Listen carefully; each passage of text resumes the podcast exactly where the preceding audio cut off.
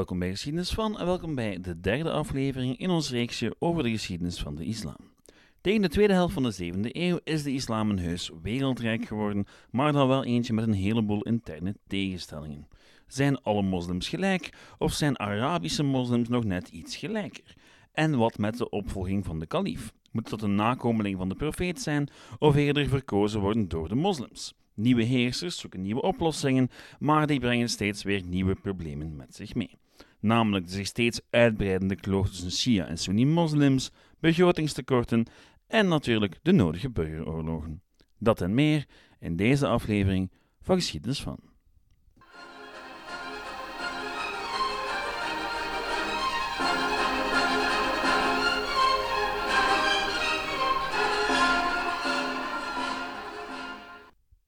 Beginnen doen we vandaag waar we vorige week geëindigd waren, bij Muawiyah I.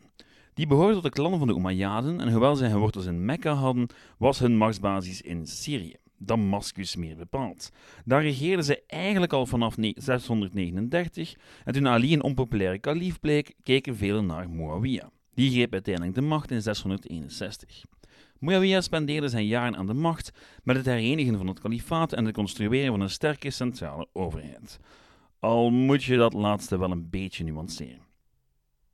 Vaker wel dan niet werd er geregeerd met lokale sterke mannen die loyaal waren aan Damascus, maar in de eigen regio de plak zwaaiden. Langzaam maar zeker echter werd steeds meer macht in Damascus gecentraliseerd. Macht die onder meer gebruikt werd om belastingen te heffen. Wat licht problematisch was, want oorspronkelijk werden in de islam enkel de heidenen belast. Eens die zich bekeerd hadden, waren die normaliter vrijgesteld. Niet zo onder de Umayyaden. Ja, een groot deel van het geld ging naar de zorg voor de armen, maar een ander deel belandde wel degelijk in de koffers van de heersende dynastie. En wat zij daarmee deden was maar al te zichtbaar voor de gewone moslim in Damascus. Al na enkele, decennia was de stad immers de gelijke van Constantinopel wat betreft pracht en praal. Iets wat in de ogen van vele moslims moeilijk te verantwoorden was. Tegelijkertijd gingen de veroveringstochten door, zelfs tot aan de poorten van Constantinopel. Maar vallen, wel, dat deed de Tweede Rome niet. Muawiyah's grootste erfenis echter zou zijn opvolging zijn. Al in 676 nomineerde hij zijn eigen zoon Yazid als opvolger. Wat ons met onze hedendaagse bril redelijk logisch lijkt, maar voor de nog relatieve jonge islam een grote schok was. De kalif was voordien steeds verkozen als de eerste onder de gelovigen op basis van zijn kwaliteiten als moslim en leider. Niet op basis van zijn stamboom, al speelde dat laatste natuurlijk wel al mee. Een opvolging van vader op zoon was voor velen een terugkeer naar de tradities van voor de komst van de islam en van de heidense rijken van de Byzantijnen en de Persen, op wiens ruïnes het kalifaat zich had gevestigd of hoe de kalief steeds meer op een koning begon te lijken. Nog geen vijftig jaar na de dood van Mohammed, toen zijn volgers hadden gezworen het werk verder te zetten, leek het kalifaat te gaan vervellen naar een keizerrijk. Het mag dan ook niet verbazen dat het alles tot conflict leidde bij de dood van Muawiyah in 680, oftewel de tweede fitna of burgeroorlog binnen de moslimgemeenschap. Over de eerste had ik het vorige week nog, toen Muawiyah de sterkste bleek te zijn. Die tweede fitna was net als de eerste een gevecht op leven en dood. Niet alleen over wie er nu precies kalif zou zijn, maar evengoed over hoe het kalifaat eruit zou zien. Allereerst waren de nakomelingen van Ali. U weet nog wel, de vierde kalif en de neef van Mohammed. Diens zoon Hassan had in der tijd een akkoord gesloten met Muawiyah dat hij, of zijn nageslacht, Muawiyah zou opvolgen bij zijn overlijden. De benoeming van Yazid tot opvolger werd door velen dus gezien als verraad en door heel wat rebelse elementen binnen het kalifaat werd dus naar Hussein gekeken, een nakomeling van Ali, als de volgende kalif. De rebellen in hedendaags Irak nodigden Hussein uit hun rangen te vervoegen, maar hij zou er nooit aankomen. Hij werd onderschept en, toen hij weigerde om zich neer te leggen bij Yazid's heerschappij, geëxecuteerd met het merendeel van zijn entourage. Daarmee waren de problemen echter niet van de baan. Ondertussen was een kleinzoon van de eerste kalif, Abu Bakr, opgestaan om het verzet te leiden. Abd Allah ibn al-Zubayr. Het hele verhaal bespaar ik u, maar tot aan zijn dood werd er in het hartland van het kalifaat hevig gestreden. Zelfs de heiligste plekken van de islam werden niet gespaard. Medina werd geplunderd en Mekka belegerd. Terwijl Yazid's troepen voor Mekka lagen echter, overleed hij. Hierop riep al-Zubair zich uit tot de enige rechtgeaarde kalief. Einde verhaal, denk je dan, al was de kous daarmee niet af. Het duurde tot 692 voor er echt een einde kwam aan de tweede fitna. Al-Zubair bleek niet in staat om het lappendeken van fracties opnieuw op één lijn te krijgen en de Umayyaden probeerden de ene na de andere telg van hun familie tot kalief te verheffen. Het was uiteindelijk Abd al-Malik die erin slaagde om al-Zubair te verslaan en een nieuw tijdperk van relatieve stabiliteit in te leiden. Interne stabiliteit in elk geval. Het betekende tegelijkertijd het startschot voor een nieuwe golf veroveringen, maar daarover later meer. Want hier wil ik even stilhouden na die hele golf van politieke geschiedenis. Want ja, ik weet het, zo'n opeenvolging van burgeroorlogen en dynastieke worstelingen lijkt niet al te relevant te zijn voor de hedendaagse islam. Maar dat is het dus wel. De gevolgen voor de islam waren immers immens. Om te beginnen was het gedaan met het gedecentraliseerde beleid van waleer, waar de heersers het boeltje bij elkaar hielden dankzij diplomatie en de persoonlijke loyaliteit van legerleiders en gouverneurs. Tot 692 waren veroverde gebieden grotendeels ongemoeid gelaten. Ja, men betaalde belastingen, maar bijster veel was dat niet en de administratie was nog in handen van dezelfde soort ambtenaren van voor de verovering. Zelfs de munt was tot 1492 bijna overal in het Rijk nog gewoon de Byzantijnse solidus. Nu, dat gedecentraliseerde beleid was goed genoeg geweest voor de Rashidun-kalifen en de eerste Umayyaden-kalifen, maar had duidelijk zijn zwaktes. Rebellie was nu eenmaal te makkelijk voor die lokale heersers en in de provincies konden zich heel erg makkelijk ideologieën ontwikkelen die een bedreiging vormden voor het centrale gezag van de kalif. Wat was dan de oplossing? Drie woordjes centralisatie, islamisering en Arabisering. Belastingsopkomsten werden gecentraliseerd in Damascus en in de eerste plaats gebruikt om een nieuw staand leger te betalen dat enkel trouw was aan de kalif. Ze werden trouwens betaald in gouden denari, waar oorspronkelijk een afbeelding van de kalif op stond. Wat nogal vreemd is, want in de vroege islam was er een nogal strikt verbod op het afbeelden van mensen. Al enkele jaren na die eerste denari werden ze vervangen door denari met Arabische teksten op. Wat me brengt tot mijn volgende punt. Die centralisatie was natuurlijk een administratieve en politieke beweging, maar evengoed een culturele en religieuze. Al die van oorsprong Byzantijnse en Perzische bureaucraten die de provincies bestuurden, mochten aanblijven, mits bekering tot de islam en het leren van de Arabische taal en het overnemen van de Arabische cultuur. We gaan in het Westen namelijk nogal snel voorbij aan hoe divers de islam eigenlijk wel is. Ja, heel wat moslims van Marokko tot Irak bestempelen zichzelf als Arabieren, maar het is vooral een culturele identiteit in plaats van een genetische. Inwoners van pakweg hedendaags Tunesië hebben op genetisch vlak meer gemeen met de Berberstam van Waleer en de Carthaagse-Romeinse bevolking die hier woonde voor de Arabische verovering, dan met de bewoners van het Arabische schiereiland. Hetzelfde geldt voor Egyptenaren, Syriërs en Irakezen. Ja, het maatschappelijke bovenlaagje was vaak van Arabische oorsprong, maar met der tijd vervaarde het onderscheid. Niet in het minst dat opklimmen op de maatschappelijke ladder in theorie mogelijk was, mits islamisering en Arabisering. In 92, wel 692, werd op meer dan één manier een duidelijk signaal gestuurd naar de eigen bevolking.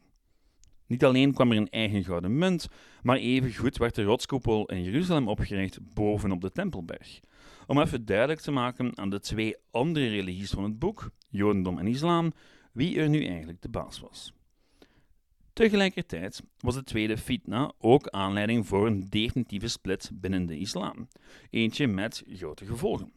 As we speak stoomt er een Belgisch fregat richting de Rode Zee om er handelsschepen tegen aanvallen van de Houthis te beschermen. Nu, geloof het of niet, maar wie de wortels van die Houthis en hun Iraanse sponsors wil achterhalen, die komt vroeg of laat uit bij de eerste en de tweede fitna. Namelijk de hele discussie of de kalif nu een familielid van Mohammed moet zijn of niet. Vanaf 680 werd de Shia echt een dingetje. Verbertaal betekent het woord zoveel als volgers van Ali. U weet wel, het neefje van Mohammed en de derde kalif. Excuseer, vierde kalif. Al moeten we wel opletten om de Shia van toen zomaar gelijk te schakelen met die van nu. Zowel Sunni als Shia-islam zullen zich door de eeuwen heen ontwikkelen tot de versies van de islam zoals we ze vandaag kennen, al is er binnen die twee grote groepen ook nog een heleboel diversiteit. Schakelde schieten van toen dus niet zomaar gelijk met die van vandaag. Nu associëren we de beweging vooral met Iran, maar dat is een relatief recent dingetje en een verhaal voor een andere keer. Goed, terug naar de Umayyaden. Onder Abd al-Malik vond het kalifaat dus een nieuwe modus vivendi. En die interne stabiliteit resulteerde onder zijn opvolger, al-Walid, in grote veroveringscampagnes. Hedendaags Tunesië viel in 698, Armenië in 705 en in 711 volgde de invasie van Spanje. Tegelijkertijd bleef het Rijk ook in het oosten steeds verder uitbreiden, tot ze op de Chinezen stoten en teruggedreven werden bij de slag om Aksu in 717. Dat andere keizerrijk, het Byzantijnse, liet zich ook niet doen en wist de ene belegering en aanval na de andere te overleven. In 717 kwam er met Umar ibn Abd al-Aziz een hervorming aan de macht die gelijkheid tussen non-Arabische moslims en Arabische moslims probeerde op te leggen. Wat een heel goed idee was, want daarmee zouden heel wat bestaande spanningen binnen het kalifaat ontmijnd kunnen worden. Alleen bracht dat ook een heleboel nieuwe problemen met zich voort. Het betekende namelijk dat geen enkele moslim nog belast zou kunnen worden onder de jizya, een belasting voor heidenen die wel nog had gegeld voor heel wat non-Arabische moslims. Nu, die wijziging leidde tot een heleboel extra bekeringen en een serieuze dip van de belastingsopbrengsten. De volgende kalif voerde de jizya enkele jaren later net om die reden alweer in, maar vanaf dan brak er om de zoveel tijd wel weer een nieuwe opstand uit. Het idee dat je als niet-Arabische moslim toch die jizya moest betalen, lokte heel veel woede uit en frustratie. Nu, er kwam dus ook een derde fitna, maar dienstverloop ga ik u besparen, want die derde fitna was nog maar afgelopen of er brak al een nieuwe opstand uit. De zogenaamde Abbasidische revolutie, die het kalifaat volledig zou hervormen en misschien wel de grootste bloeiperiode van de islam zou inleiden. In de eeuwen die volgden op de revolutie zouden historici aan het Abbasidische hof in Bagdad het kalifaat van de Umayyaden afbeelden als corrupt en afgedwaald. De grote ironie is echter dat het net het succes van de Umayyaden was dat hun ondergang zou betekenen. Ja, het Rijk had zich verder uitgebreid dan ooit, en ja, meer heidenen dan ooit hadden zich bekeerd tot de islam. Maar de Umayyadsche elite was niet in staat gebleken om de macht te delen met de bekeerling. Wat voor de nodige spanningen had gezorgd, want de Koran had het wel degelijk over gelijkheid tussen de gelovigen. Tegelijkertijd was er ook een hele sectie moslims die nog altijd wrok koesterde vanwege de moord door de nakomelingen van Ali in 680. En zoals zo vaak mengden religie en politiek zich in de verschillende bewegingen die decennia lang de ondergang van de Umayyaden nastreefden. Die bewegingen waren divers, maar streefden allemaal hetzelfde na, namelijk een nakomeling van Mohammed op de troon krijgen. Langzaam maar zeker werd ook duidelijk dat in bepaalde regio's, en dan vooral hedendaags Iran, er heel wat haat was voor de Umayyaden. Zeker in het oosten van het kalifaat had de oude elite het moeilijk met de ver doorgedreven Arabisering en wou men de eigen Perzische cultuur zoveel mogelijk vrijwaren. Tel bij die cocktail ook nog eens grote groepen niet-moslims die zich gediscrimineerd voelden en je ziet al snel dat er voor een gewikste politicus meer dan genoeg ruimte was om een heuse revolutie op poten te zetten. Vanaf 719 al werd er her en der gelobbyd door Shia-bewegingen, al was men niet uit op een onmiddellijke opstand. En dat is net waarom die opstand of revolutie wel succesvol zou zijn en zoveel andere niet. Men probeerde langzaam maar zeker een uitgebreide coalitie te vormen en vervolgens te wachten op het juiste moment. Geheime netwerken over het hele kalifaat wisselden tientallen jaren lang propaganda uit. De Umayyaden werden verketterd, hun steun bij een groot deel van de bevolking en lokale machthebbers smolt weg, en het idee van een familielid van Mohammed als kalif kreeg steeds meer bijklank. En toch duurde het nog tot 747 voor men echt in actie kwam. In al die tijd was het niemand eigenlijk duidelijk wie men eigenlijk tot kalif verheffen zou. Velen dachten dat het om een nakomeling van Ali zou gaan, maar bleek dat het niet de nakomeling van Ali waren die de hele opstand op poten hadden gezet, maar eerder de klan van Mohammeds oom, Abbas ibn Abad al-Muttalib. Zijn nakomeling, Abu Muslim nam in 747 de wapens op vanuit hedendaagse Iran en tegen 752 was er nog maar één lid van de Umayyaden in leven. Over hem later meer, maar voor de moslimwereld in 752 was het duidelijk dat er een nieuwe dageraad aangebroken was. Met die dageraad kwamen een heleboel veranderingen. De hoofdstad veranderde andermaal, deze keer van Damascus naar Bagdad, wat een hele wijziging zou inleiden in het kalifaat wat betreft de cultuur. Het kalifaat ging Perzischer worden op een heleboel manieren, maar daar hebben we het volgende week over.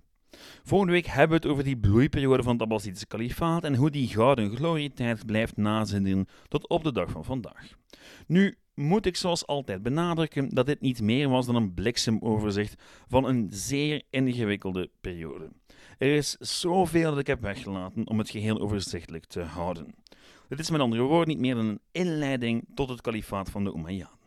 Eindigen doen we dus zoals altijd met enkele literatuursuggesties. Te beginnen met The Great Arab Conquests, How the Spread of Islam Changed the World We Lived In door Hugh Kennedy. Dat boek biedt een uitgebreid overzicht van de vroege islamitische expansie, inclusief het kalifaat van de Umayyaden, en het behandelt de militaire campagnes, de politieke structuren en de culturele impact van die periode. Wie een eigen tijdse bron wil lezen, kan terecht bij The History of Al-Tabari, volume 15, The Crisis of the Early Caliphate, vertaald door Michael Fischbein. Nu, Al-Tabari schreef echt een geschiedenis van dat kalifaat en zijn hele uivere is aan te raden voor wie een inkijk wil in hoe de vroege islam haar eigen geschiedenis bekeek. Dit deel, deel 15, beslaat de periode van het kalifaat van de Umayyaden en biedt inzichten in de politieke en sociale dynamiek van die tijd. Nu, voor zij die terecht wat aandacht voor kunst en cultuur missen in mijn blitzoverzicht, is er die Umayyads The Rise of Islamic Art, gericht op de kunst en architectuur van de Umayyaden-periode. Uh, het boek onderzocht de culturele prestaties tijdens het bewind en het is een, een goede afwisseling, want we hebben het maar heel zelden over uh, de prestaties op cultureel vlak van de Umayyaden, want die zijn wat overschaduwd door de Abbasiden. Swat, tot daar.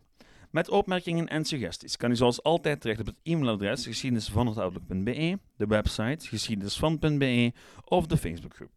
Vergeet de podcast ook zeker niet te liken en te delen. Bedankt voor het luisteren en tot volgende week. Ciao!